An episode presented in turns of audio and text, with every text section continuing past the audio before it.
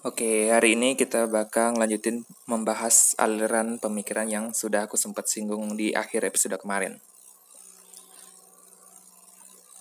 Kok nggak ada opening? Ya, anggap aja ada yang nanya ya. Ya nggak usah lagi isi gitu-gitu lah ya, capek. Kalian ke sini juga nggak buat dengerin opening kan ya, jadi kita skip aja lah dari episode ini. Oke, melihat situasi yang sedang kacau kayak gini ya, mungkin kita bakal menghadapi krisis internasional. Mungkin, gak tau lah. Gak ada juga yang berharap dunia bakal kacau dan hancur. Gak ada. Gitu. Tapi gimana kalau aku kasih tahu bahwa ada filsafat yang malah menyarankan Anda untuk mengekspek situasi terburuk seperti saat ini. Seperti perkataan Homer Simpson ke Bart. Gak mungkin referensi ini nggak banyak yang tahu ya. Tapi ya udahlah ya. Bart bilang gini, anaknya Simpson. Ini adalah hari terburuk dalam hidupku. Lalu Homer bilang, hari terburuk dalam hidupmu sejauh ini. Banyak yang kasihan atau ketawa kepada Bart karena ayahnya sendiri malah bikin down anaknya. Tapi kalau Anda coba pikir lebih dalam perkataannya Homer, itu ada sebuah kejeniusan. Jadi, apa yang jenius dari ucapan tadi? Makanya kita hari ini mau belajar stoicisme. Jadi kita perlu balik beberapa langkah dan memulai dari apa itu stoicisme?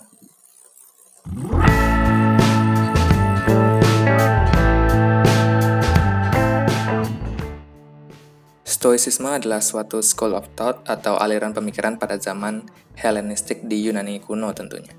Didirikan oleh orang yang bernama Zeno dari Sitium pada abad ke 3 sebelum masehi. Zeno pada awalnya bukanlah seorang filsuf, dia adalah seorang pedagang yang kaya raya. Sampai suatu ketika, kapal dagang yang ia gunakan berjualan ke berbagai wilayah mengalami insiden dan tenggelam. Semua barang dagangannya tenggelam dan dia pun hampir terbunuh dalam insiden itu. Setelah bisnisnya bangkrut, lalu apa yang dia lakukan? Dia pergi ke Athena. Entah untuk apa alasannya, aku juga nggak tahu. Lalu ia pergi ke toko buku. Dia membaca buku yang membahas tentang sosok Socrates. Mungkin bukunya Plato atau entahlah siapa. Zeno bertanya kepada pemilik toko tersebut. Dia bertanya di mana ia bisa menemui sosok seperti Socrates. Karena kebetulan ada seorang sinik. Sinik itu yang orang yang menganut sinisme ya. Seorang sinik bernama Krates yang cukup terkenal lah Ditunjuklah orang itu oleh si pemilik toko buku. Entah apa yang merasuki Zeno, yang awalnya seorang pedagang hebat sekarang malah memutuskan untuk menjadi seorang filsuf. Dia kemudian belajar di bawah didikan Krates dan beberapa filsuf-filsuf lainnya. Tetapi Zeno tidak terlalu bisa mengikuti gaya hidup ekstrim yang dijalani oleh para sinik. Kalau kalian nggak tahu, kalian bisa play di episode 6 tentang sinisme. Jadi Zeno memutuskan untuk membuat aliran pemikiran sendiri. Meskipun fondasi dari ajarannya sangat dipengaruhi oleh ajaran Socrates dan sinisme, yang mana ia buat menjadi ajaran yang lebih mudah diterima masyarakat gitu, yang sekarang disebut stoicisme. Aku nggak bakal terlalu detail sih jelasin tentang kehidupan foundernya ya, karena mungkin bakal ngebosan. Jadi kenapa stoicisme begitu populer pada zaman itu? Tentu banyak aliran pemikiran lain yang muncul pada era Hellenistik. Tapi apa yang membuat Stoicisme begitu spesial? Mempunyai banyak pengikut dan digemari masyarakat pada saat itu. Rahasianya adalah tidak seperti filsafat pada umumnya yang sangat berat untuk dicerna dan membahas fenomena-fenomena yang sangat kompleks. Stoicisme menurut masyarakat sangatlah berguna untuk kehidupan sehari-hari. Ya, bukan berarti filsafat yang lain tidak berguna ya. Tapi kamu juga harus mikirin perasaan orang-orang awam yang miskin terutama. Gimana mau mikirin, apa itu kehidupan? Aku ini siapa? Dan kenapa aku dilahirkan? Sedangkan perut aja masih lapar gitu. Tunggakan listrik dan cicilan rumah bulan ini aja belum kebayar. Jadi ya udahlah biar nggak apa-apa lah. Jadi stoicisme ini sangatlah bermanfaat dan relate ke masyarakat ketika mengalami masalah dalam hidupnya. Masalah apa mungkin Anda bertanya? Ya apa pun. Bisa masalah dalam keluarga, masalah dalam kantor, percintaan pun bisa. Mungkin sudah cukup familiar dengan buku Filosofi Teras. Aku sendiri sih belum baca ya, tapi kalau nggak salah itu juga bahas stoicisme. Stoicisme sebenarnya tidak cuma membahas etika, tapi juga membahas logika dan metafisika, tapi ngebosenin ya. Jadi aku cuma bakal fokus ke membahas etika stoicisme aja. Eh, tapi kayaknya aku nggak pernah menjabarkan definisi etika yang sebenarnya di sini ya. Siapa tahu kan ada yang baru banget belajar filsafat, jadi aku mungkin bakal jelasin di episode ini. Jadi etika itu adalah cabang filsafat yang membahas tentang apa itu baik atau buruk, benar atau salahnya suatu perbuatan. Jadi etika mencari tindakan apa yang seharusnya manusia lakukan dalam hidup ini. Pertanyaan yang sering diajukan dalam ranah etika adalah apa itu kehidupan yang baik? Bagaimana cara mencapai kehidupan yang baik? Terus pas kalian mungkin udah mau mati, apakah aku telah menjalani kehidupan yang baik, dan seterusnya. Tetapi para stoik tidak terlalu mendikte pengikutnya untuk mengikuti suatu perilaku tertentu atau mengikuti jalan hidup tertentu. Stoicisme berpandangan bahwa setiap makhluk hidup mempunyai sebuah tujuan dan haruslah memaksimalkan tujuannya itu. Semua makhluk hidup, termasuk cacing pun harus melaksanakan tugasnya dengan baik ya kalau enggak ya peran dekomposer berkurang gitu. Bahkan kumbang kotoran pun punya tujuannya dalam kehidupan ini gitu.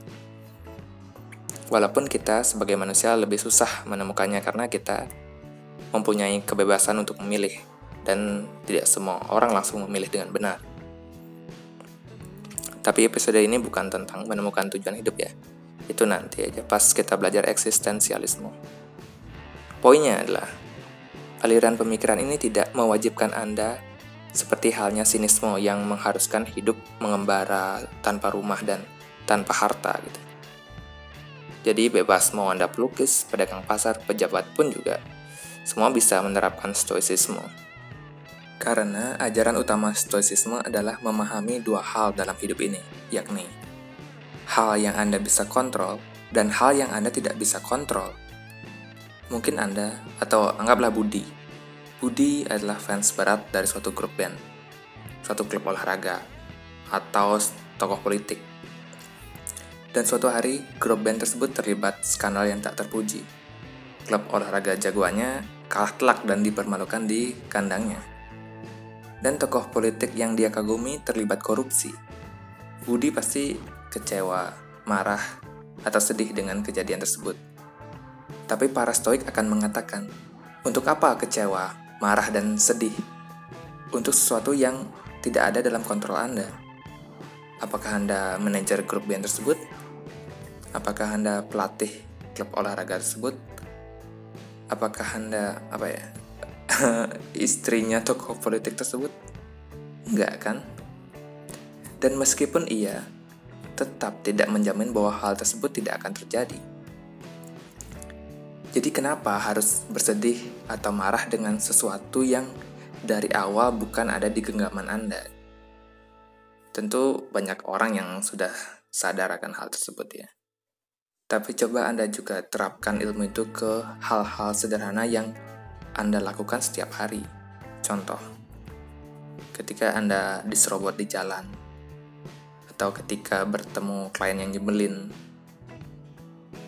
Contoh, ketika Anda diserobot di jalan, atau ketika bertemu klien yang nyebelin, atau saat sedang macet parah. Apakah Anda harus emosi ketika situasi tersebut datang di hidup Anda? Tanyakan pada diri Anda sendiri, apakah Anda mampu mengontrol situasi tersebut? Tentu tidak. Ya, suatu hari terjadi aja gitu. Terus apa dong yang bisa Anda kontrol. Yang Anda bisa kontrol tentu pikiran dan emosi Anda. Udah, itu doang. Apa pun selain itu di luar kontrol Anda. Sadarlah bahwa Anda hanya memiliki sedikit kontrol terhadap apa yang terjadi pada hidup Anda.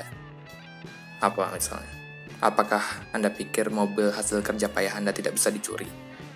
Apa Anda pikir orang yang Anda pacari bertahun-tahun gak bakal selingkuhin Anda? Banyak kemalangan yang akan menimpa hidup Anda ke depannya. Tetapi para stoik ingin menanyakan kepada Anda, ada gunanya kah menangis sesuatu yang tidak bisa Anda kontrol? Ada kutipan dari Seneca tentang hal ini. What need is there to weep over parts of life? The whole of it calls for tears. Bahasa Indonesia ya. Apa perlunya menangisi suatu bagian dari kehidupan?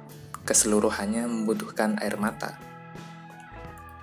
Maksud dari Seneca adalah karena keseluruhan hidup ini adalah penderitaan, jadi apakah masih perlu untuk menangisi suatu bagian-bagian kecil dari hidup? Ya kalau mau nangis ya nangis saja terus gitu. Tapi apakah itu ada gunanya? Enggak kan? Itu juga yang dimaksud sama Homer tadi ke anaknya. Pas dia bilang, hari terburuk dalam hidupmu sejauh ini, itu menandakan mungkin ada yang lebih buruk dari ini oleh karena itu, kenapa harus meratapi kejadian ini? Hal buruk akan terus terjadi, dan berpikir semua akan selalu baik-baik saja adalah sangat naif. Tentu lebih gampang mengucapkan daripada melakukannya secara langsung. Oleh karena itu, para stoik menyarankan kita untuk melatih ekspektasi kita setiap hari gitu. Kita marah, sedih, kecewa, bukan karena hal buruk terjadi, tetapi karena ekspektasi kita bahwa semuanya akan berjalan lancar. Anda kesel saat hujan ketika sedang naik motor. Bukan karena hujan turun yang membuat Anda kesel, cuma Anda berekspektasi bahwa hari ini bakal cerah. Anda tidak akan kesel kalau sudah tahu akan hujan, kan? Ya, maka dari itu, Stoicisme sangat menyarankan Anda untuk melatih ekspektasi Anda. Latihlah setiap hari. Baru bangun tidur, expect bahwa hari ini perjalanan ke kantor akan macet. Expect bahwa bakal ketemu kalian yang nyebelin. Dan ketika itu beneran terjadi, Anda tidak akan semarah itu. Tentu ketika hal tersebut tidak kejadian ya, Anda malah menjadi lebih bahagia hari itu. Para motivator-motivator pada bilang positive thinking lah, positive thinking, gelasnya setengah penuh, dan bla bla bla. Tapi kadang negative thinking juga bisa mencerahkan hari Anda dan memberi ketenangan jiwa. Tapi poin utama dari latihan ekspektasi tadi bukannya untuk selalu memikirkan hal buruk ya. Seburuk-buruknya Anda berpikir, jangan meremehkan dunia ya. Dunia ini akan selalu bisa memberimu kejutan. Percaya deh. Jadi yang lebih ditekankan adalah acceptance.